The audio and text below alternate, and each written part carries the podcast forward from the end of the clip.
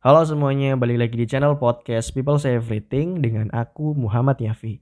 Semoga teman-teman dalam keadaan baik-baik aja dan terima kasih masih mau mendengar podcast ini. Akhir-akhir ini kita disodorkan dengan ramenya berita pelecehan seksual di media sosial yang waktu itu kejadiannya ada pegawai Starbucks yang uh, dia melakukan hal yang tidak senonoh pada pelanggannya yang sebenarnya kasus semacam ini tuh udah ngakar banget dan sudah terjadi dari zaman dahulu kala ya, udah dari zaman jebot gitu. Nah, saking akarnya perilaku-perilaku yang tidak baik itu, akhirnya perilaku itu menjadi diwajarkan. Diwajarkan dalam tanda kutip ya. Diwajarkan dalam artian para pelaku yang melakukan itu pasti merasa bahwa dirinya benar. Ya benar melakukan itu karena pertama mungkin banyak orang yang ngelakuin dan uh, secara tidak sadar tayangan-tayangan di televisi juga nggak jarang menayangkan uh, sexual harassment gitu. Alasan kenapa aku coba bikin ini karena yang pertama 60% pendengar podcast ini adalah perempuan, teman-temanku yang cewek pada dengerin ini, terima kasih banget. Dan yang kedua, aku pengen sharing aja pandanganku tentang sexual harassment dan ntar bakalan uh, apa ya coba bahas beberapa hal yang ada hubungannya dengan seksual harassment ya di sekitarnya gitulah. Sebenarnya yang perlu digarisbawahi adalah pelecehan seksual ini bisa dialami oleh siapa aja gitu, nggak mandang umur, gender, ataupun latar belakang sosial. Cuman memang kebanyakan korbannya adalah perempuan dan ntar bakalan aku coba jelasin kenapa korbannya itu kebanyakan perempuan.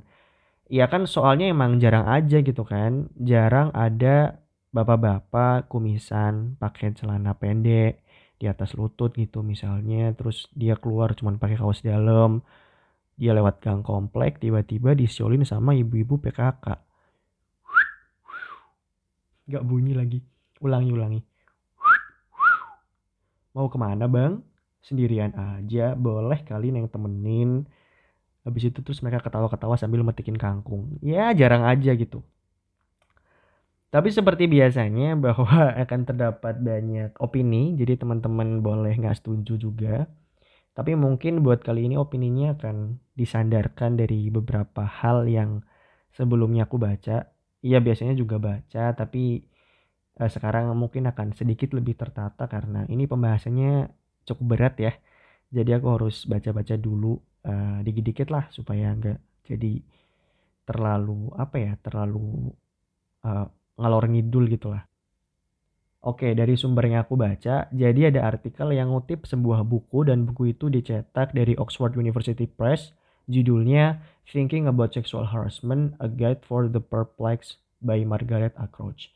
Oke, karena dari Oxford, jadi mungkin cukup meyakinkan kali ya kalau digunain buat dasar beropini. Dari buku itu dikatakan ada tiga teori mengapa kebanyakan korban pelecehan seksual itu adalah kaum Hawa. Kenapa perempuan gitu? Teori yang pertama ada teori organisasional yang intinya bahwa di struktur organisasi itu biasanya laki-laki dan perempuan itu akan memiliki peran yang berbeda. Biasanya laki-laki sebagai atasan dan perempuan akan sebagai bawahan. Inilah yang menyebabkan adanya men have power over women in society. Laki-laki punya kuasa yang lebih besar ketimbang perempuan. Sehingga ini yang menimbulkan perilaku sewenang-wenang. Teori yang kedua yaitu ada teori sosiokultural yang menyatakan bahwa bagaimanapun laki-laki dan perempuan itu adalah dua pihak yang memang tidak setara. Karena ada rasa tidak setara itu makanya laki-laki merasa berhak melakukan itu pada perempuan. Kemudian teori yang terakhir, teori yang ketiga adalah teori biologis. Nah, mungkin di sini nanti akan aku bahas sedikit lebih dalam dibanding teori yang lain mengenai teori biologis ini. Buku itu menyatakan bahwa bahwa perilaku pelecehan seksual ini merupakan dampak dari adanya hormon-hormon pada laki-laki yang membuatnya memiliki dorongan seksual lebih besar ketimbang perempuan. Ini pernah aku singgung juga di episode Kartini dan Feminisme. Buat teman-teman yang belum dengerin boleh dengerin dulu. Ya aku waktu itu ngomong kalau laki-laki dan perempuan sebagai makhluk Tuhan itu pasti akan punya fitrah yang berbeda. Punya fitrahnya masing-masing. Tapi lepas dari situ bahwa laki-laki dan perempuan dimaknai sebagai seorang manusia, dimaknai sebagai individu, mereka akan memiliki perbedaan-perbedaan baik dari fisik, pola pikir, secara biologis dan seterusnya. Pasti akan berbeda gitu. Jadi akan sangat make sense ketika laki-laki punya dorongan seksual yang lebih besar ketimbang perempuan ya karena ada perbedaan-perbedaan itu tadi. Salah satunya adalah karena adanya hormon testosteron pada laki-laki. Hormon itu berfungsi untuk memicu libido, gairah seks. Nah, sedangkan kita tahu bahwa perempuan hormon testosteronnya itu sedikit, bahkan mungkin tidak ada gitu ya. Dan perempuan itu didominasi dengan hormon estrogen.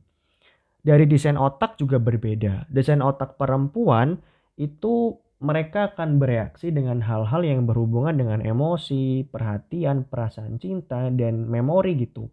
Nah, fakta menariknya di sini adalah pada saat hormon estrogen sedang pada titik yang tertinggi, which is pada saat siklus menstruasi, kemampuan kerja memori spasial dan verbal itu membaik. Nah ini tuh makanya, makanya ya gak heran kalau misalkan ada cewek yang lagi PMS terus dia marah-marah, yang diungkit apa?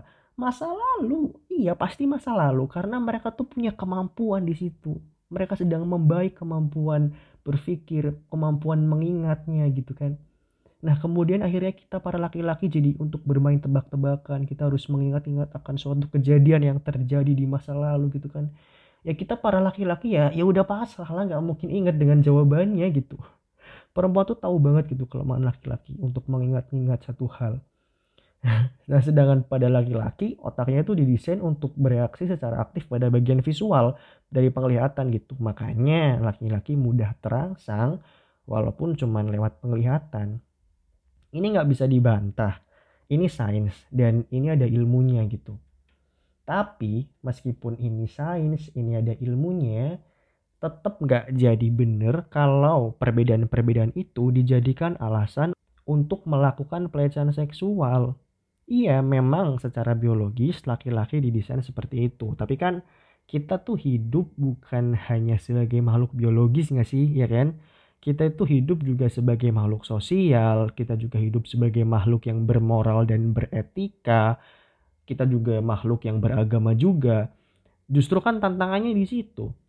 Sekarang kalau otak dan seluruh organ biologis kita didesain lempeng-lempeng aja gitu ya kayak program komputer, ya terus apa gunanya ada moral dan etika, apa gunanya ada dosa dan pahala? Justru kan itu yang akan membedakan kita dengan makhluk biologis yang lain kan? Kalau misalkan otak kita didesain lempeng-lempeng aja gitu taruhlah contoh ya. Ada laki-laki dan perempuan dalam satu tempat. Tempatnya sepi. Kebetulan si perempuan pakai baju yang ya nggak ketat-ketat banget tapi lekuk tubuhnya kelihatan gitu. Nah kalau otak kita lempeng-lempeng aja ya kan jadi garing gitu kondisinya. Ya kayak ya suasana pertamanya hening gitu kan. Terus ada angin sepoi-sepoi kemudian mulai-mulai ada pembicaraan cowoknya bilang pagi mbak. Iya mas pagi. Sehat? Oh iya mas sehat alhamdulillah. Sepi ya mbak pagi ini? Cuman kita berdua loh di sini. Terus ceweknya udah mulai-mulai takut gitu kan. Iya mas sepi. Terus cowoknya jawab iya mbak sepi. Kok sepi ya? Nggak tahu mas kenapa sepi iya aku nggak pengen ngapa-ngapain sih. Jadi garing gitu kan nggak seru. Ya tapi beda cerita ketika otak kita tuh nggak lempeng ya. Ketika kita dihadapkan dengan situasi seperti itu pasti akan jadi seru akan jadi perang batin di dalam hati laki-lakinya. Dia bakalan ngomong dalam hati kayak aduh ah, sialan. Oke baiklah baiklah. Meskipun tempat ini sepi dan sepertinya memang tidak ada orang lain hanya aku dan mbaknya. Kita berdua cuma di sini. Ini memang kesempatan besar. Tapi tidak. Tidak. Aku tidak seperti itu. Aku punya moral, aku punya etika. Dan ini yang akan membedakanku dengan makhluk biologis lainnya. Iya, aku percaya itu. Kata podcast Yavi gitu sih. kan jadi keren gitu, ada perjuangannya gitu kan. Nah biasanya respon dari orang-orang yang uh, tahu kasus uh, pelecehan seksual ini tuh mereka bakal ngomong kayak ya salah sendiri pakai baju yang terbuka, salah sendiri pakai yang minim-minim, Salah sendiri pakai baju yang ketat. Harusnya pakai baju yang tertutup dong, menutup aurat makanya.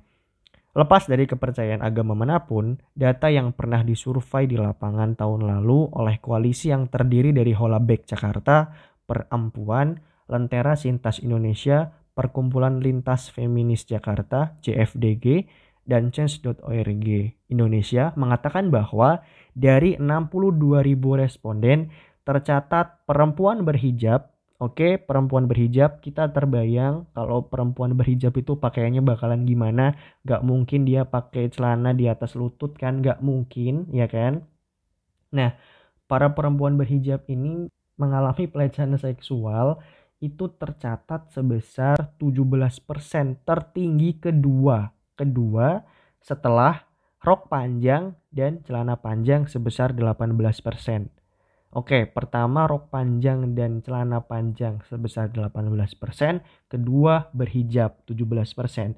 Jadi bukan rok mini, celana pendek ataupun kaos dalam yang dipakai bapak-bapak tadi, bukan. Justru malah yang tertutup. Nah, dari sini kita bisa sadar gitu bahwa pelecehan seksual ini jadi kasus yang bisa terjadi ke siapa aja, nggak semata-mata cuma disebabkan karena pakaiannya gitu. Dan untuk urusan pakaian itu kan urusannya masing-masing ya entah karena keimanan ataupun kenyamanan itu kan balik lagi ke pribadinya. Nah, yang jadi urusan bersama adalah justru pola pikir kita tentang kasus ini.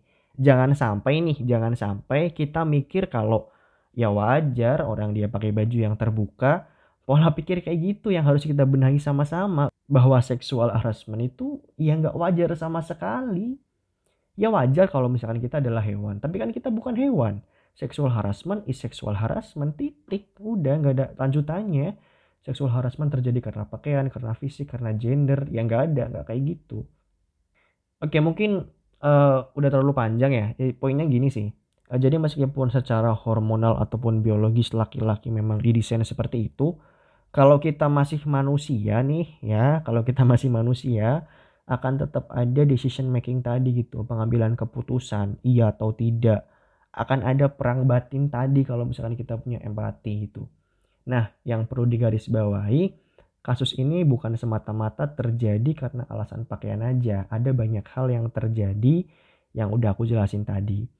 Dan pesanku buat teman-teman semuanya, terutama buat teman-teman uh, perempuanku yang aku kenal dan ataupun teman-teman perempuan lagi dengerin podcast ini, kalian harus bisa jaga diri baik-baik di mana pun kalian berada. Um, tingkatin kewaspadaan aja karena ya kita tahu kasus ini bisa terjadi ke siapa pun nggak mandang pakaian nggak mandang umur nggak mandang latar belakang nggak mandang jenis kelamin juga buat teman-teman laki-laki juga harus berhati-hati gitu ya semoga aja kita tetap berada di bawah lindungan Tuhan. Oke mungkin segitu aja episode kali ini. Terima kasih sudah mau mendengar hingga usai. Semoga ada yang bisa diambil. Seperti biasanya mari ngobrol dan sampai jumpa